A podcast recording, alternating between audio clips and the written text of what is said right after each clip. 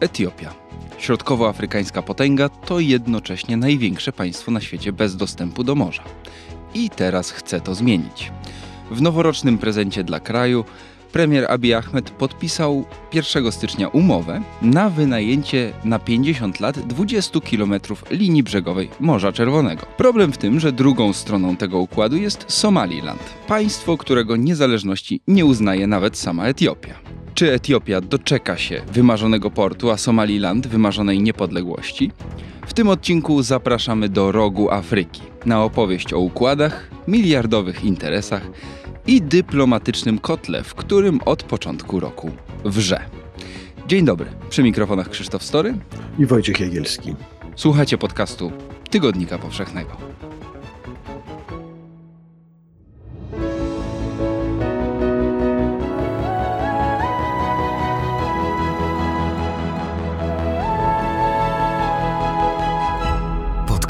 Tygodnika Powszechnego. Weź, słuchaj. Witamy w nowym roku. Mamy nadzieję, że ten rok będzie dobry dla Was i dla nas, i będziemy mogli dalej co dwa tygodnie spotykać się i podróżować wspólnie w różne zakątki świata. Chcielibyśmy też podziękować za rok miniony 2023 i za nasze spotkania, które były możliwe także dzięki Waszemu wsparciu, czy to czytelników, jako czytelników Tygodnika Powszechnego, czy wspierających bezpośrednio ten podcast w portalu Patronite.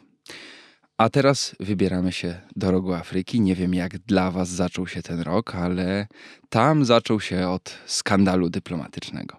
Jak wspomniałem we wstępie 1 stycznia, Etiopia i Somaliland, nieuznawane państwo, o którym jeszcze opowiemy, podpisały umowę, która ma zagwarantować Etiopii dostęp do morza. Abiy Ahmed, e, premier Etiopii, od lat powtarza i ciężko mu się dziwić, że dla giganta środkowej Afryki, jakim jest Etiopia, ten dostęp do morza ma znaczenie kolosalne. Tutaj e, ja spojrzałem na mapę i przeanalizowałem listę sąsiadów Etiopii, którzy taki dostęp do morza mogą zaoferować. Mamy Sudan, ale tam po pierwsze trwa wojna, a po drugie jest dość daleko do port Sudan. Mamy Djibouti, do Djibouti jeszcze wrócimy, e, bo to jest obecny stały partner w tych morskich konszachtach Etiopii. Somalię z Somalilandem, czyli nieuznawaną częścią Somalii. Somalia traktuje Somaliland jako swoje, część swojego integralnego terytorium, natomiast de facto jest to dość odrębne e, państwo. I mamy jeszcze Erytreę. I na początku chciałem Cię zapytać o to, dlaczego nie Erytrea. Dlaczego wzniecać skandal dyplomatyczny, dlaczego podpisywać umowę z nieuznawanym państwem, skoro tuż obok jest Erytrea. E, dawna etiopska prowincja, która gwarantowała właśnie dostęp do morza. Dzisiaj niepodległe państwo to jest trudna historia, o której opowiadaliśmy już w tym podcaście. Natomiast y, ostatni raz, jak rozmawialiśmy o Etiopii, to rozmawialiśmy właśnie z okazji tego, że Etiopia i Erytrea podpisały nieoczekiwany pokój. Ta Erytrea wydawałoby się idealnym dla Etiopii partnerem do tego, żeby udostępnić w zamian za jakieś apanarze czy korzyści dostęp do morza dla Abiya Ahmeda i całej Etiopii. Dlaczego zatem nie Erytrea? No, ten układ y, Erytrei, z Erytreą Etiopia zawarła dużo wcześniej. E, w zasadzie zbiegł się on z nastaniem Abiya Ahmeda na stanowisko premiera Etiopii. To był jedna z jego pierwszych decyzji. Pogodzić się z Erytreą, dawną prowincją, bardzo dawną prowincją, e, późniejszą sojuszniczką w walce partyzanckiej, jeszcze późniejszą, znaczy wracamy kolejnością, bo, bo, bo, bo, bo nieprzyjaciółką etiopską Erytrea została e, w ostatnim e, wcieleniu swoim i historii etiopsko-erytrejskiej. E, za ten pokój z Erytreą Abi dostał, został uhonorowany pokojową Nagrodą Nobla. Rzeczywiście przymierze z Etiopią funkcjonowało przez jakiś czas gwarantowało to Abijowi bezpieczeństwo ze strony niewielkiej terytorialnie, ale bardzo wojowniczej sąsiadki, która od e, pierwszych dni swojej niepodległości toczy w zasadzie nieustanne wojny. No właśnie z Etiopią. E, gwarant, to porozumienie pokojowe gwarantowało też e, Etiopii dostęp do erytrejskich portów Masała i Assab, e, z których Etiopia korzystała i uważała je za własne, kiedy Erytrea mm, była prowincją etiopską, ale ona tą prowincją stała się nie z własnej woli, tylko została po prostu zagrabiona przez Etiopię, bo premier Abiy Ahmed i jego następca, także wielu poprzedników uważają i odwołują się do czasów tej wielkiej Etiopii, wspaniałego cesarstwa, już bardziej baśniowej historii niż rzeczywistej, kiedy to Etiopia mm, była światowym mocarstwem i, i Morze Czerwone traktowała niemalże jak e, swoje własne, niemal wewnętrzne jezioro. To jest chyba trochę tak jak nasze opowieści o Polsce od morza do morza, prawda? No z tą różnicą, że Jagiellonowie nie występują w Starym Testamencie, a przywódcy Etiopii, Abysynii owszem. E, znaj proporcje, mocium panie, nie ta historia, nie ten rozmiar. Etiopia, kiedy biła się z włoskimi faszystami, to liczyła też na zachodnią pomoc.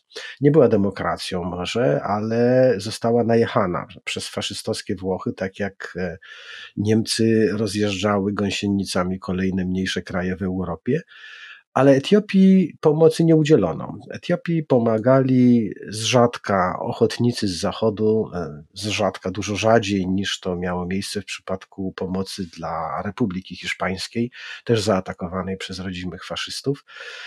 E, jedynym państwem, które pomagało Etiopii w tamtych czasach był Związek Sowiecki, więc Etiopczycy czuli się pokrzywdzeni i opuszczeni przez e, Europę, a byli członkiem Ligi Narodów. I po II wojnie ta, ta Erytrea została im oddana w kuratele no właśnie jakby w ramach zadośćuczynienia za to wszystko złe. Zapomnijmy, co tam było, wy macie Erytreę, mamy święty spokój i nie wracajmy do przeszłości. Nie można iść w przyszłość, ciągle zwracając głowę ku przeszłości. E, Zachód doskonale wiedział, że, że Etiopia tą Erytreę włączy y, do swojego państwa nie jako autonomię, co niby gwarantował status Erytrei, tylko po prostu ją wcieli, podbije i tak też się stało cesarz Haile Selassie włączył Etiopię do swojego cesarstwa, natychmiast niemalże wybuchła zbrojna wojna, zbrojne powstanie, które przerodziło się w wojnę domową i tak Etiopia Erytreę straciła, ale dzisiaj w 1993 roku Erytrea stała się niepodległym państwem. Więc jeżeli mówisz, że ta umowa, a za razie, za, w zasadzie to jest taki zarys wstępu do podstaw umowy, jeżeli to wywołało skandal dyplomatyczny w Afryce i nie tylko, to próba odzyskania portu w Erytrei mm, musiałaby doprowadzić do kolejnej wojny, do najazdu na, Etio, na Erytreę. Taki najazd po pierwsze wcale nie wiadomo, czy skończyłby się dobrze dla armii etiopskiej, a po trzecie, no byłby, byłby wojną, kolejną wojną wywołaną przez pokojowego noblisty, już nie wojną domową, tylko wojną najeźdźczą. E, Abi, no, pokojowy noblista, przeszedłby do historii chyba jako jedyny pokojowy noblista, który najechał e, obce państwo, sąsiada Próbuję sobie przypomnieć, czy Barack Obama ma to na sumieniu, bo też w końcu jest pokojowym noblistą i chyba ma, więc byłby drugi po Obamie. Obama co prawda wojnę przejął po swoim poprzedniku, ale ją e, kontynuował. Bardziej niż o zbrojnym najeździe myślałem o dogadaniu się z Erytreą. E, Erytrea z Etiopią e, dogadują się, ale głównie wtedy, kiedy jest to opłacalne, kiedy to jest, czy, który, kiedy to za wygodę uważa przywódca Erytrei, jedyny jakiego Erytrea miała od pierwszego dnia niepodległości. I on się zgadza na rozmaite rzeczy, y, godzi się y, żyć w pokoju z Etiopią pod warunkiem, że to umacnia jego władzę i przynosi korzyści jemu i jego państwu. On zresztą wybierany został raz i tak już zostało i traktuje tę Erytreę jako własność niemalże, więc to, co dobre dla przywódcy erytrejskiego, czy inaczej, to, co dobre dla państwa erytrejskiego, musi być dobre też dla erytrejskiego przywódcy, a jak się nie zgadza, to przywódca zawsze ma pierwszeństwo tutaj, państwo No ale wy, wytłumacz, wytłumaczmy to, dlaczego y, Izajas Afewerki, bo to o nim tu mówimy y, jako o prezydencie Erytrei, jedynym, jakiego to państwo miało od uzyskania niepodległości w 1993 roku. Erytrea światu y, czy regionowi, poza swoją bitną armią, która, którą Afewerki posyła na różne awantury y, okoliczne, w, by zdobyć zyski, wpływy, y, wyświadczyć komuś przysługę, w zasadzie jedyne, co ma do zaoferowania, to jest właśnie ten dostęp do morza.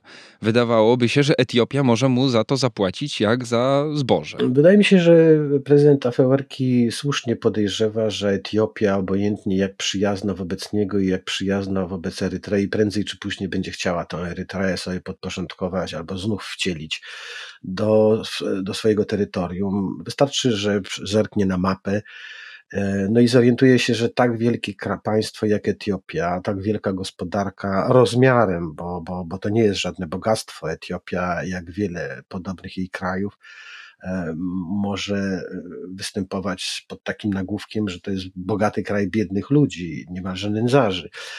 E, dostęp do morza Etiopii dla rozwoju gospodarczego, dla istnienia jako takiego państwa potężnego i, żandarma czy mocarstwa regionalnego jest po prostu konieczny. Bez tego dostępu Etiopia sobie nie poradzi. Natomiast Etiopia, wydaje mi się, i, i, i myślę, że Afewerki wie to doskonale, e, nie zgodzi się dzierżawić jakichś portów co zresztą ma miejsce w, tej, w, tym, w tym zarysie wstępu do podstaw umowy z Somalilandem. Tam owszem, Etiopia e, dogadała się, że Somaliland e, od, wydzierżawi jej 20 kilometrów wybrzeża i port Berbera na 50 lat, ale także zgodzi się, żeby zaraz koło tego portu Etiopia zbudowała sobie bazę wojenną.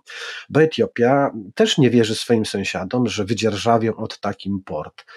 No więc te, te wzajemne podejrzenia są chyba przyczyną, że Erytrea mm, wolała żyć w stanie otwartej wojny z e, Etiopią, niż w stanie takiej fałszywej przyjaźni czy fałszywego dobrosąsiedztwa. Przynajmniej wszystko było jasne. Jesteśmy nieprzyjaciółmi, nie zgadzamy się nawet co do przebiegu granicy, wy jesteście więksi, ale wara wam od naszych portów. Chcecie sobie wysyłać towary w świat, to płaćcie miliardy dolarów takiemu maleńkiemu Djibouti, którego przecież nie najedziecie, bo to jest niepodległe państwo, będzie skandal.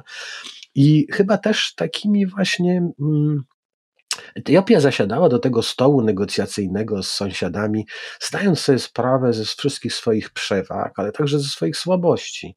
Że ona troszeczkę, no, nie przymierzając jak mój ukochany klub Manchester United, klub bogaty z tradycjami, wielki z nazwy, jak chce kupić jakiegoś zawodnika, to cena tego zawodnika natychmiast rośnie, jak tylko rozchod- pojawiają się plotki, że Manchester United jakiegoś piłkarza chce kupić. No więc jak się rozeszło, a Abi o tym mówi od jesieni niemal nieustannie, nieustannie, że Etiopia potrzebuje dostępu do morza, no to te kraje, które ewentualnie miałyby negocjować z Etiopią dzierżawę portów, tą cenę by zawyżyły po prostu nieprawdopodobnie. I Djibouti, i Erytrea, tym bardziej, że bałyby się, że jest to początek etiopskiej ekspansji.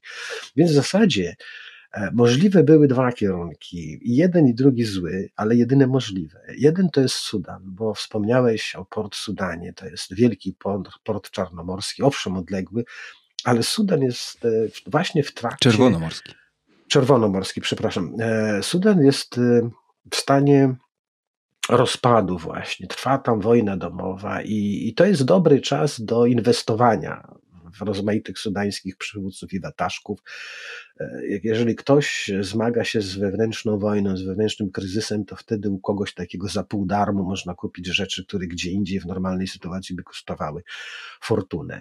No więc ten Sudan e, no, problem z Sudanem jest ta odległość, bo, bo, bo jednak, żeby ten port funkcjonował i się opłacał, to trzeba tam mieć choćby jakąś drogę przyzwoitą, a drogi z Etiopii. W tamtej części świata te drogi biegną w zasadzie tak, jak je budowali y, kolonizatorzy, żeby wywozić jakieś tam skarby z interioru do, do portów. E, mało jest, słaba jest ta infrastruktura, nie tylko we wschodniej Afryce, którego, której, której Etiopia jest tym mocarstwem. Zróbmy tutaj pauzę, wiesz, y, bo pojawiło się już parę razy słowo Somaliland. To jest ten partner, na którego Abiy Ahmed się zdecydował. On faktycznie od miesięcy powtarza, że fundamentami istnienia Etiopii jest Nil i morze. To są filary, bez których gospodarka etiopska po prostu sobie nie poradzi i tutaj to morze wydaje się ważniejsze, dostęp właśnie do, do niego. Dzisiaj sytuacja wygląda tak, że 90 parę procent e, handlu zagranicznego Etiopii przechodzi przez Djibouti. I to kosztuje słono Etiopię. Miliard dolarów rocznie samych opłat portowych, a to jeszcze jest cały transport, który też jest pod kontrolą Djibouti. No, Etiopia musi się, krótko mówiąc, opłacać. 1 stycznia ogłoszono właśnie podpisanie, to jest takie memorandum czy list intencyjny. Ty nazwałeś wstępnym szkicem do zarysu planu i chyba to jest y, dobra nazwa. Podpisano z Somalilandem. Nie mylić z Somalią. E, I teraz to jest część Somalii według tego, co uznaje ONZ, według tych granic, natomiast de facto to jest odrębny organizm cieszący się sporą autonomią. Może opowiedzmy szybko, czym jest Somaliland. No jeżeli my spojrzymy na mapę, to zobaczymy, że Somalia w granicach państwa e, uznawanego przez nie tylko ONZ, ale wszystkich, przypomina taką siódemkę. E, wzdłuż wybrzeża Czerwonomorskiego ułożoną plecami do, do, do, do, do, do, do, do wybrzeża właśnie. Więc ten górny daszek e, somalijski to jest właśnie Somaliland. Dolna, ta dłuższa część to jest Somalia właściwa. Ze stolicą w Mogadiszu, z rządem. A te połączenie siódemki z, z, tą, z, tą, z tą długą nóżką to jest tak zwany Puntland. Też część Somalii, ale formalnie część Somalii. Nieszczęście Somalii polega na tym, że w 1991 roku, kiedy tam skończyła się wojna domowa, będąca skutkiem tych wszystkich zastępczych wojen, jakie w Afryce toczyły wschód i zachód. W tym samym czasie zakończyło się większość tych wielkich wojen afrykańskich, bo wojna w Angolii, w Namibii, w Etiopii zresztą w tym samym czasie. Wszędzie te wojny się pokończyły jakoś w miarę szczęśliwie, w Somalii zakończyła się ona bardzo nieszczęśliwie, bo o ile w, Addis Abebie, w Etiopii e, władzę przejęli partyzanci etiopscy, w sojuszu z partyzantami erytrejskimi i jakoś między sobą się dogadali na tyle, że od reszty Etiopii odłączyła się tylko Erytrea, ale obiecywała Etiopii, że będziemy żyli długo i szczęśliwie po sąsiedzku i nie ma się co bać. To w Somalii zwycięstwo natychmiast przekształciło się w wojnę wszystkich ze wszystkimi, tak jak to było w Afganistanie po wycofaniu armii sowieckiej. E, Somalia popadła w całkowity chaos. E, przeciwnikami głównymi e, w tej wojnie domowej somalijskiej, panującego w Mogadiszu dyktatora wojskowego, byli partyzanci właśnie z dzisiejszego Somalilandu. Oni widząc, co się dzieje, że w Mogadiszu biorą się za łby komendanci partyzanccy, a sami będąc na północy i widząc, że do tego Mogadiszu jest bardzo daleko i zanim tam się dostaną, żeby próbować mieć coś do powiedzenia, to dawno zostaną albo przepędzeni, albo nikt ich nie wpuścił, uznali, że jak tak, to niech się w tym Mogadiszu e, ci nasi bracia z południa biją o władzę, a my ogłosimy niepodległość e, północy Somalii, tego Somalilandu właśnie. Zrobili to nie tylko z powodu obaw, że ten wojenny chaos ogarnie także ich, tą somalijską północ, ale mieli y, swoje tradycje, bo Somalia jako takie państwo powstało dopiero po upadku epoki kolonialnej. Wcześniej na terenie dzisiejszej Somalii funkcjonowały rozmaite sułtanaty, e, autonomiczne państwa podlegające a to jednemu mocarstwu, a to drugiemu, albo cieszące się większą autonomią. W czasie w epoce kolonialnej zostało to wszystko podzielone między Francję, Włochy i Brytyjczyków i ten dzisiejszy Somaliland był protektoratem brytyjskim. Ta góra tej siódemki to było to, była, to były ziemie kontrolowane przez Brytyjczyków.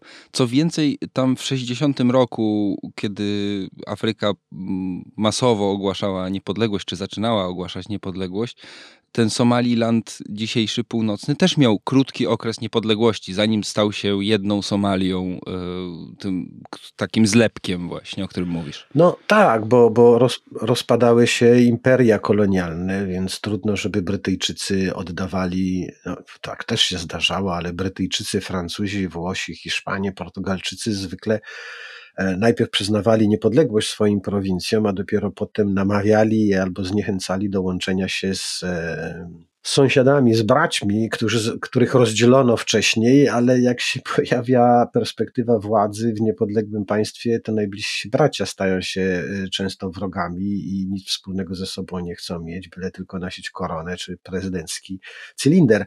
E, Somaliland rzeczywiście, mm, cała Somalia, i Somaliland, i Puntland, i ta Somalia południowa jest e, krajem rzadkim w Afryce, bo monoetnicznym tam mieszkają ludy somalijskie, mówiące tym samym językiem, wyznające w ogromnej większości tą samą drogę e, islamu, e, mający podobną historię, tożsamość, zwyczaje. Mm, Somalijczycy są podzieleni na klany i te klany z północy, Isakowie, Darodowie, Dirowie, no, czuli między sobą większą wspólnotę niż z tymi z południa, a wojna ich też bardzo zniechęcała. Pamiętali też o swoich krzywdach, bo owszem, zostali namówieni y, także przez sąsiadów e, z Afryki do zjednoczenia się z braćmi z południa, żeby było jedne państwo somalijskie, a nie taka drobnica e, w całej Afryce, takie maleńkie państwa, przed którymi nie widziano żadnej perspektywy i przyszłości.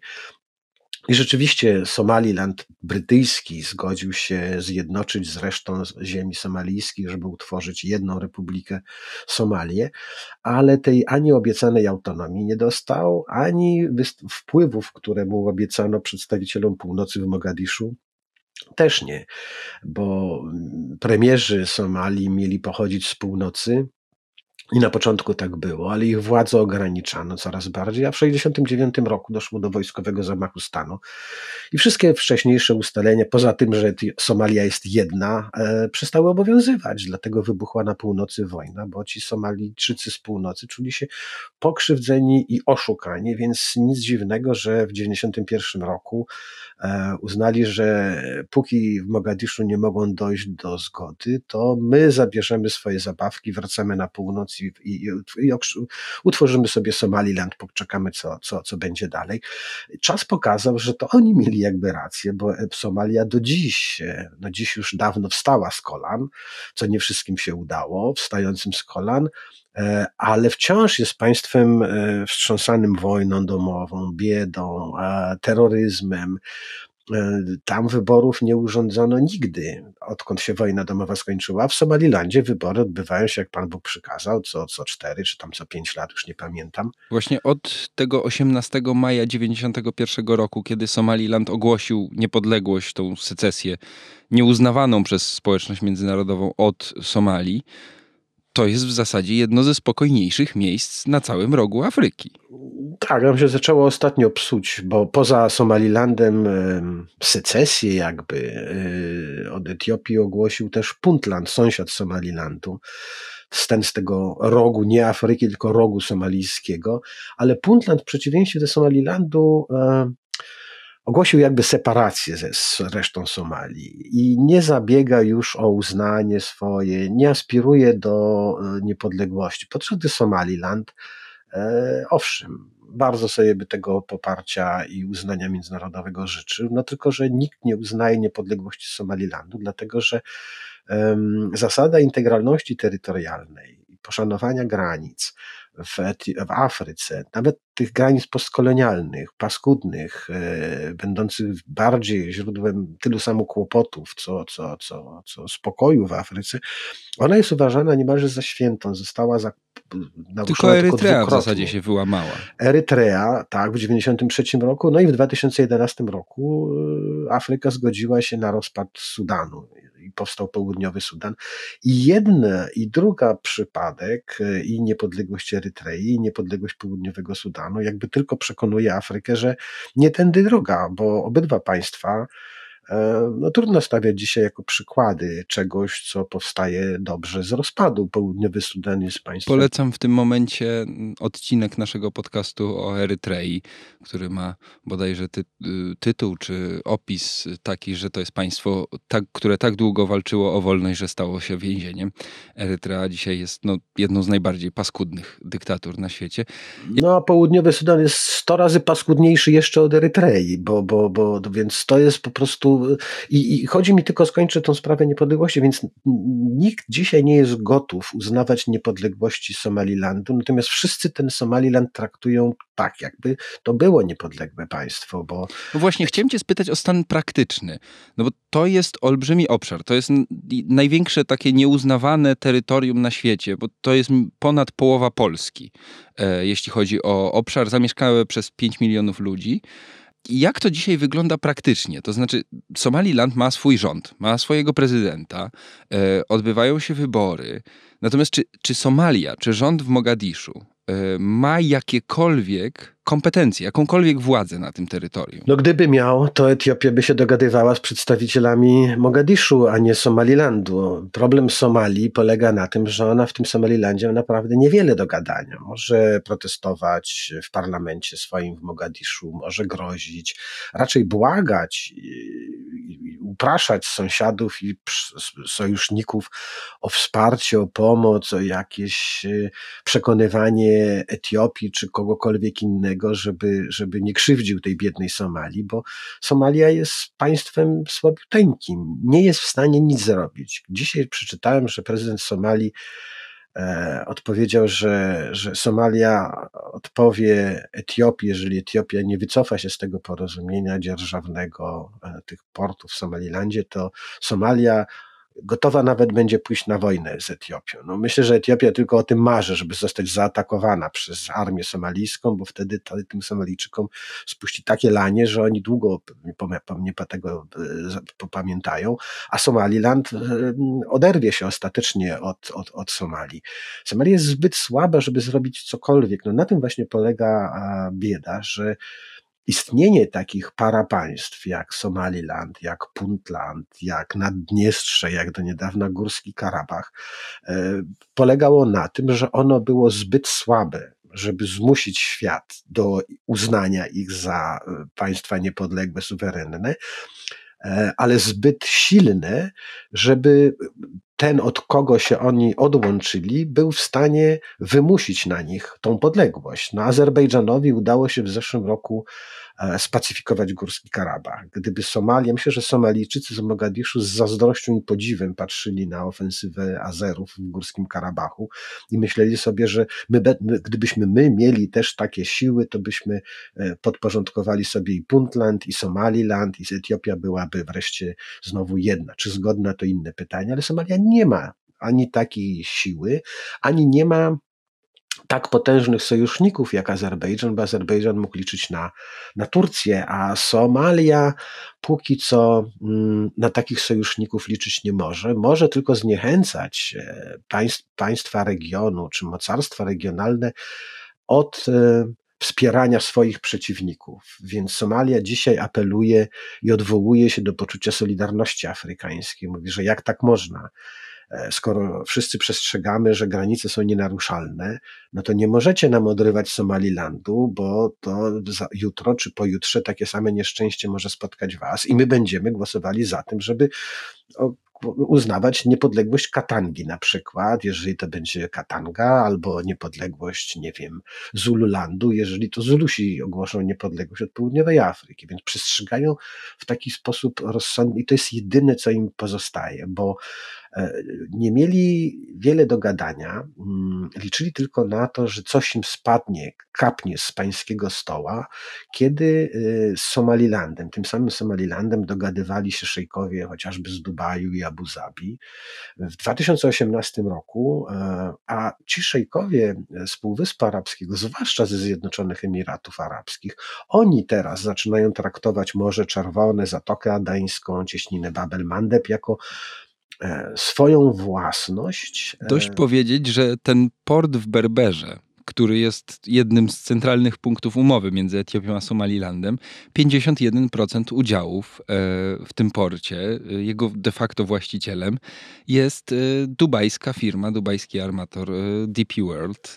Tak, i oni, oni, oni tą umowę zawarli z Somalilandem w 2018 roku i wtedy to, ta umowa, co dzisiaj głośno i natarczywie przypominają Etiopczycy, tamta umowa nie wywoływała żadnego skandału skandalu, nie wywołała skandalu, nie było żadnych protestów, żadnych gruźb, żadnego lamentu w Mogadiszu. Wręcz przeciwnie, może nie wręcz przeciwnie, ta cisza, która wtedy panowała, wskazywała, że rządowi somalijskiemu coś tam odpalono, e, że, że, że, nie był na tym też e, tak zupełnie stratny, a coś nawet zyskał, więc ci w Mogadiszu też mogli popatrzeć, że jeżeli nie zgodzimy się na taką cichą umowę, to oni tak czy inaczej ze sobą się dogadają, a my z tego i tak nic nie będziemy mieli. Tylko e, Zjednoczone Emiraty Arabskie, podpisując z Somalilandem umowę dzierżawną o port w Berberze, to nie, nie był rząd Zjednoczonych Emiratów Arabskich, tylko firma z Dubaju czy z Abu Zabi,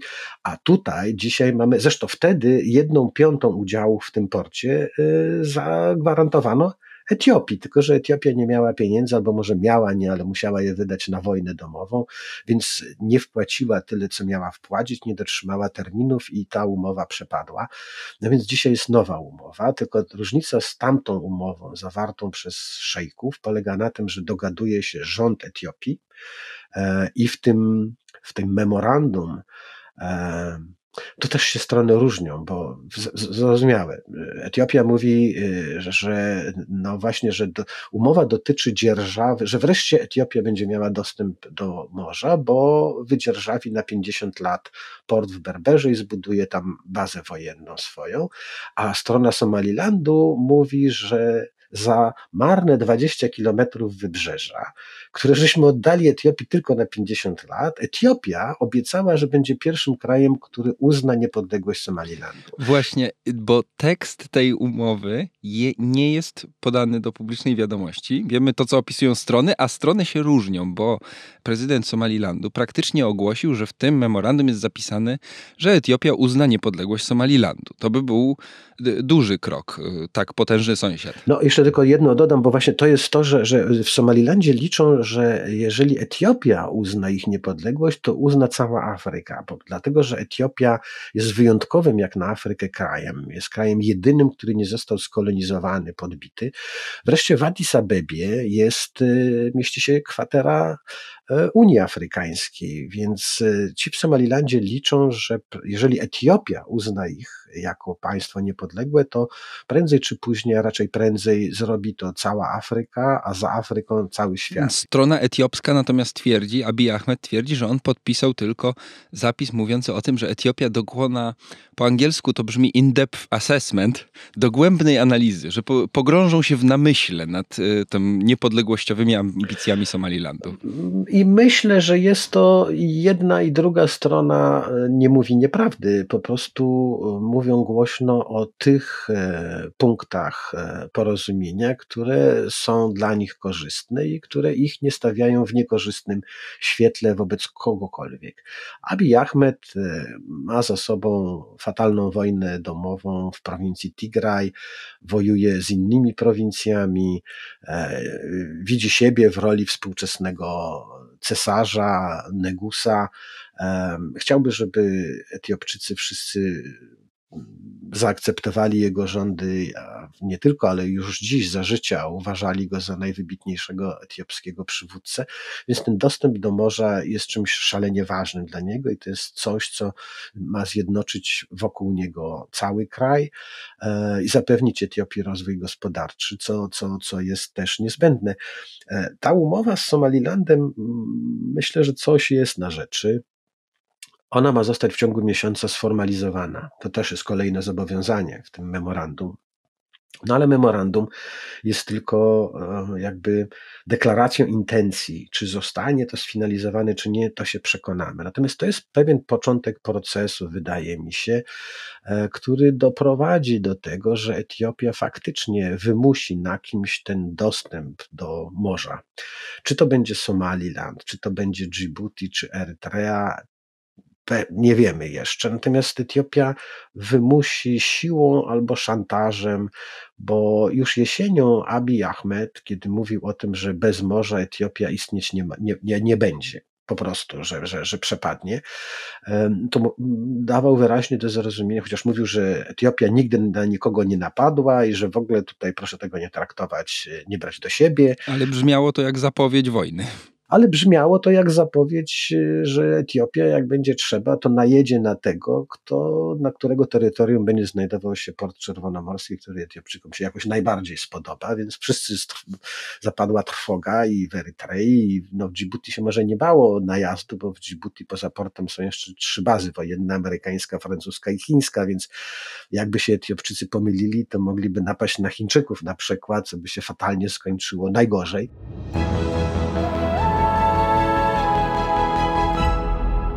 Podoba Ci się podcast? Słuchasz go bezpłatnie dzięki patronom i patronkom podcastu Tygodnika Powszechnego. Sprawdź korzyści na patronite.pl. Ale Etiopia e, już wtedy jesienią powiedziała, że e, ona oczekuje, że ci, którzy mają dostęp do Morza Czerwonego, potraktuj, potraktują tę sprawę tak samo, jak Etiopia traktuje swój dostęp do wód Nilu. E, mówisz, Etiopia, Nil Błękitny wypływa z naszych gór. E, a mimo to pozwalamy, żeby z tej wody korzystali Sudan i Egipt, a także kraje, które są położone bardziej e, w górę, już nawet nie przy błękitnym Nilu, ale, ale w górę Nilu Białego. Dogadujemy się wspólnie, jak korzystać z wód Nilu mówi Etiopia, to dogadajmy się też, żebyśmy mogli wszyscy wspólnie korzystać z wód Morza Czerwonego. Tak będzie sprawiedliwie. Po drugie, Etiopia liczy, że zbudowała wielką tamę na Nilu Błękitnym, z czym do dziś nie może się pogodzić Egipt. No Sudan to już nie ma z czym się godzić, bo, bo, bo Sudanu póki co nie ma, e, ale e, na tym na Błękitnym Nilu zbudowała największą w Afryce zaporę i zamierza tam produkować tyle prądu, że starczyłoby tego prądu nie tylko dla Etiopii, ale także dla wszystkich sąsiadów. Więc Etiopia składa swoim sąsiadom biednym e, propozycje nie do odrzucenia. Wy macie te swoje porty nad Morzem Czerwonym, gdzie żadne porządne statki przecież nie przyjeżdżają, bo wszystkie pędzą jak najprędzej, jak najszybciej, żeby przepłynąć przez ten Babel Mande, przez tą Zatokę Adeńską, byle do kanału Sueskiego, żeby uniknąć piratów, partyzantów z Jemenu, Bóg wie kogo. A my mamy prąd e, z Błękitnego Nilu, więc dajcie nam dostęp do Morza Czerwonego. My tam pobudujemy z naszymi sojusznikami porządne porty, wystawimy straż zbrojną, przepędzimy tych piratów, zapewnimy, zapewnimy bezpieczeństwo żeglugi i bezpieczeństwo wybrzeży, a w zamian za to was podłączymy do naszego prądu. U was zaświeci się prąd, a my będziemy zarabiać na handlu i na współpracy i wyrośniemy na regionalne mocarstwo. To jest propozycja etiopska. W tle tej propozycji zawsze jest 120-tysięczna armia, dość zaprawiona w, we wszystkich bitwach Abiy Ahmeda. Abi robi wszystko, żeby nawet za cenę mm, kompromisu, e, odwrotu wreszcie własnego, co w przypadku przywódców, zwłaszcza opętanych wizjami, tak jak Ahmed, jest rzadkie, ale on e, robi wszystko, żeby tą siłę etiopskiego wojska odtworzyć, bo był to argument, no to był ten kij. Marchewką ma być prąd e, z elektrowni e, wodnej na Błękitnym Nilu, ale jeżeli ta marchewka nie wystarczy, to ten kij ma być na tyle porządny, żeby wzniesiony w górę naprawdę wprawiał przerażenie tych sąsiadów. Więc sądzę, że prędzej czy później Etiopii po dobroci, czy też siłą ten dostęp do, do, do wybrzeża Morza Czerwonego uda się zdobyć. A obstawiasz, że to faktycznie będzie port w Berberze i ten układ? Bo on wydaje się dla Etiopii dość dobry. No najlepszy. Niewiele Etiopia musiała tak naprawdę zaoferować, poza tym, że pogrążą się w głębokim namyśle nad niepodległością Somalilandu, Abiy Ahmed jeszcze zaoferował rekompensatę taką już materialną e, Somalilandowi w postaci udziałów w etiopskich liniach lotniczych narodowych. Tak, my będziemy pływać, wy będziecie latać. Tak, tak, tak. No to też sprawiedliwy układ. Po co pływać, jak można latać? Tak. Ale jest to, myślę, stosunkowo niskim kosztem tak naprawdę. Etiopia ma szansę kupić sobie nawet nie tyle dostęp do morza, co, co możliwość zbudowania tam nawet bazy wojskowej. To są jednak dwie różne rzeczy. No tak, tylko że, że, że, że właśnie sposób, w jaki Etiopia będzie realizowała te swoje cele, od tego sposobu będzie zależało, czy jej się to uda, albo jakim kosztem. E, na razie Etiopia robiła to po cichu, spokojnie, dogadując się, wchodząc w interesy. Wszyscy się dziwili, że w zeszłym roku Etiopia, nie mająca dostępu do morza, zaczęła szkolić e, sobie marynarzy, e, wysyłać żołnierzy na rozmaitego rodzaju szkolenia, Myślałem, Boże, gdzie oni będą pływać? Po Nilu, nawet po tym Nilu etiopskim ciężko pływać, bo on przez góry płynie, więc tam żadnej porządnej marynarki zbudować się nie da. No ale było takie europejskie mocarstwo Węgry, gdzie mieli nawet admirała za przywódcę, to były inne czasy i, i, i inna szerokość geograficzna, ale kto zabroni cesarzowi e, mieć marynarkę wojenną, nawet jeżeli nie ma dostępu do, do, do, do morza? Ale oni robili to świadomie i celowo. Szkolili sobie oficerów e, marynarki wojennej, bo byli przekonani, że prędzej czy później tą marynarkę będą mieli. Jak dostaną pozwolenie na budowę bazy w Berberze, no trzeba mieć marynarzy, jak się chce budować bazę morską, a nie otwiera się bazy morskiej, jak się nie ma tych marynarzy. Trzeba to robić równolegle. I jeżeli Etiopia, co będzie wyjątkowo trudne, niezwykle trudne, żeby, żeby to wszystko się odbyło, żeby ten port w Berberze rzeczywiście e, stał się mm, etiopską dzierżawą. Etiopia musi dogadać się z Somalią, a Somalia to jest e, tak tradycyjna nieprzyjaciółka Etiopii, jak w Europie Francja była nieprzyjaciółką Niemiec, czy Polska nieprzyjaciółką Niemiec, albo Niemcy nieprzyjaciółmi Polski. I tutaj, o ile w Europie to się wszystko jakoś mniej więcej e, udało załatwić po, dobro, po dobroci, może nie, bo przecież Dwie wojny światowe odbyliśmy w tym celu. E, w, w, między Somalią a Etiopią ta wrogość panuje i ona jest bardzo niesymetryczna, bo e, Somalia parę razy była najeżdżana przez Etiopię. Somalijczycy najechali na Etiopię tylko raz i dostali, y, skończyło się to srogim laniem i, i, i upadkiem e, w końcu tego wojskowego dyktatora. E, więc Somalia patrzy na Etiopię tak mniej więcej jak Polska patrzy na Rosję i dogadać się między Somalią i Etiopią będzie tak samo trudno, jak trudno się porozumieć e, nam z naszymi wschodnimi sąsiadami. Somalia mm, nie wierzy w jakiekolwiek dobre intencje Etiopii, e, e, cały czas podejrzewa ją o jakieś no, nieczyste interesy albo chęć dominacji. Więc tutaj o porozumienie będzie ciężko, ale na początku premierowstwa e, Ahmeda Abija on stworzył pewnego rodzaju precedens, żeby, i może do niego wrócić, bo kiedy Abiy Ahmed objął stanowisko premiera w Etiopii, to dogadał się nie tylko z Erytreą, taką samą przeciwniczką, nieprzyjaciółką etiopską jak Somalia, albo jeszcze gorszą, bo przecież e, podporządkowaną, podbitą.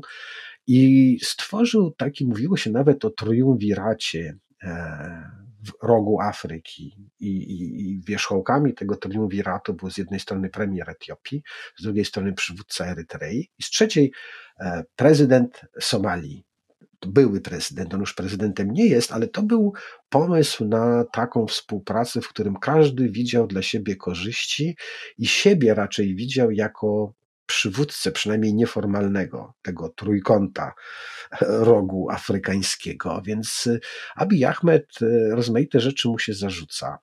E, i wytyka. E, natomiast trzeba no, uznać, że jest to polityk bardzo sprytny i realizuje swoje cele. E, trzeba mu oddać to, że jeżeli popełnia błąd, to nie przyznając się do błędu, wycofuje się z tego błędnego posunięcia.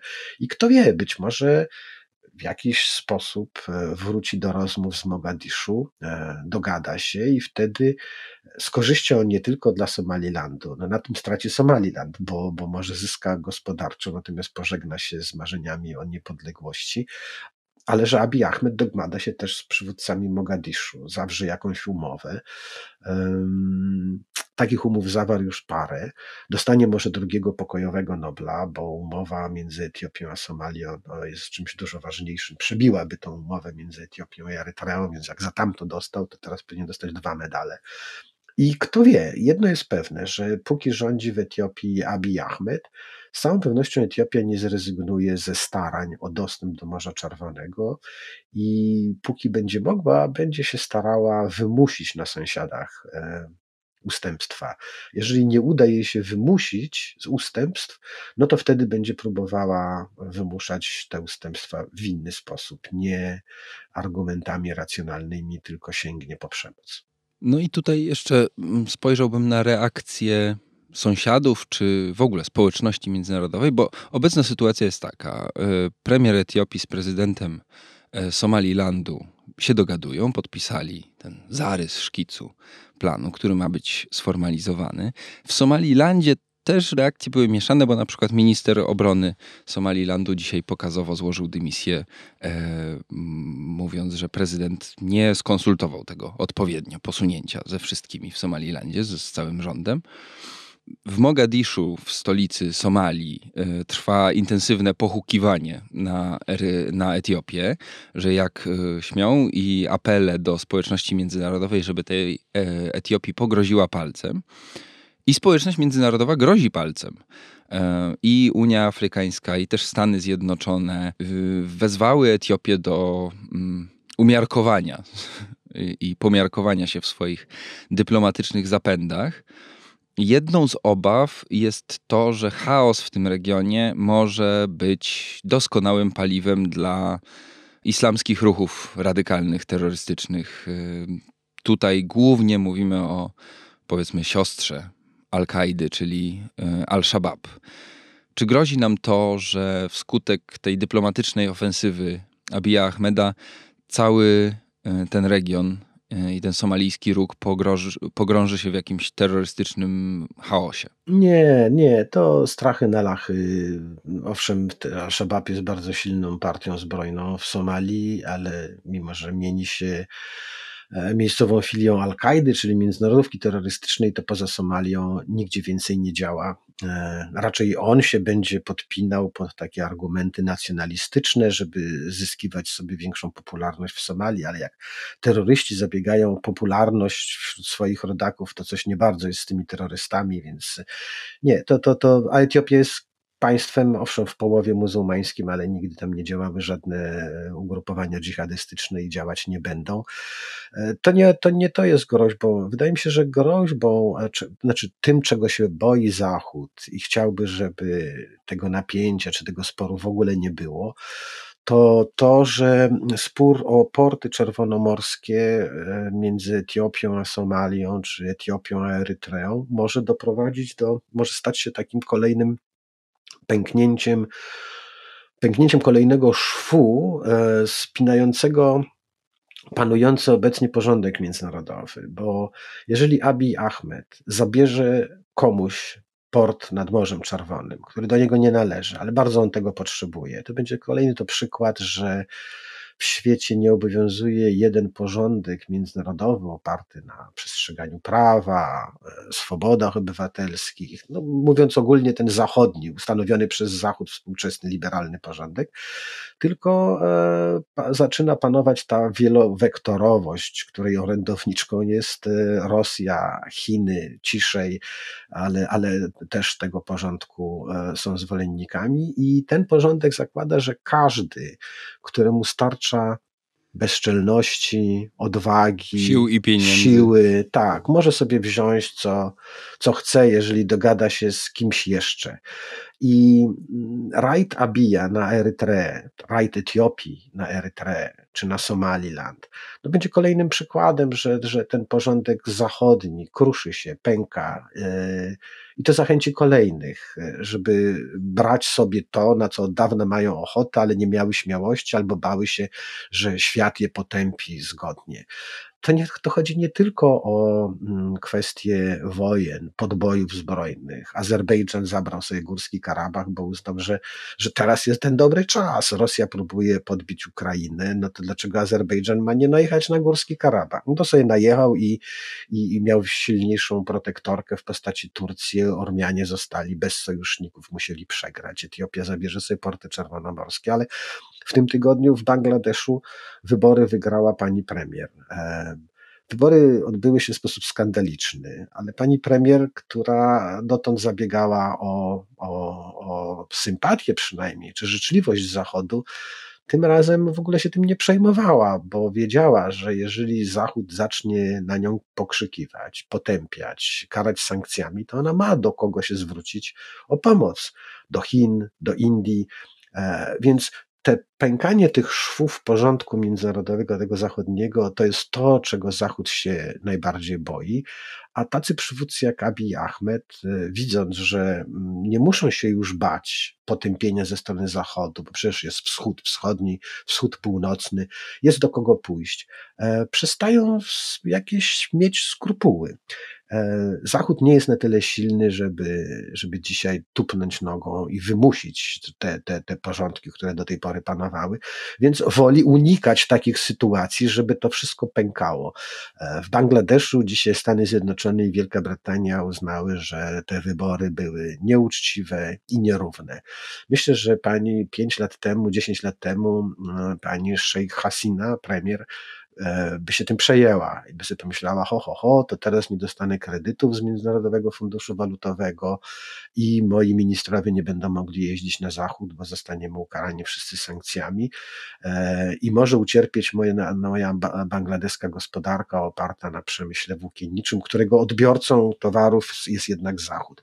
Dzisiaj myślę, że wzruszyła ramionami albo powiedziała swojemu sekretarzowi, weź, że mnie rano nie zawracaj głowy jakimiś głupstwami, bo ja tutaj mam, mam wizytę ambasadora ambasadorów rosyjskiego, indyjskiego i chińskiego. Muszę się do tego przygotować. I myślę, że to jest coś, czego Zachód się boi. Nie boi się tego na razie przynajmniej Abiy Ahmed, który jasno mówi, w interesie Etiopii jest to, żeby ten kraj posiadał dostęp do morza, nieskrępowany, nieobłożony haraczem, e, jaki dzisiaj Etiopia płaci za wysyłanie swoich towarów e, Djibouti. I przynajmniej na razie e, się w tym nie myli. E, bo nic strasznego się Etiopii nie stało za podpisanie tej umowy, poza wygrażaniem palcem. Żadne konsekwencje jeszcze Etiopii nie spotkały. E, mam nadzieję, że to wszystko odbędzie się drogą dyplomatyczną, a nie faktycznie jakiegoś zbrojnego najazdu i kolejnej awantury e, w rogu Afryki. Na pewno będziemy proces formalizowania tego wstępnego szkicu do planu pozyskania portu przez Etiopię relacjonować. E, na pewno będziesz o tym też e, pisał w e, cyklu na stronie tygodnikpowszechny.pl twoim, czyli strona świata. A w tym odcinku podcastu Tygodnika Powszechnego noworocznym to już wszystko. Zapraszamy na naszą stronę, zapraszamy do wspierania nas w serwisie Patronite, a my się już dzisiaj żegnamy. Przy mikrofonach Krzysztof Story i Wojciech Jagielski. Do usłyszenia za dwa tygodnie.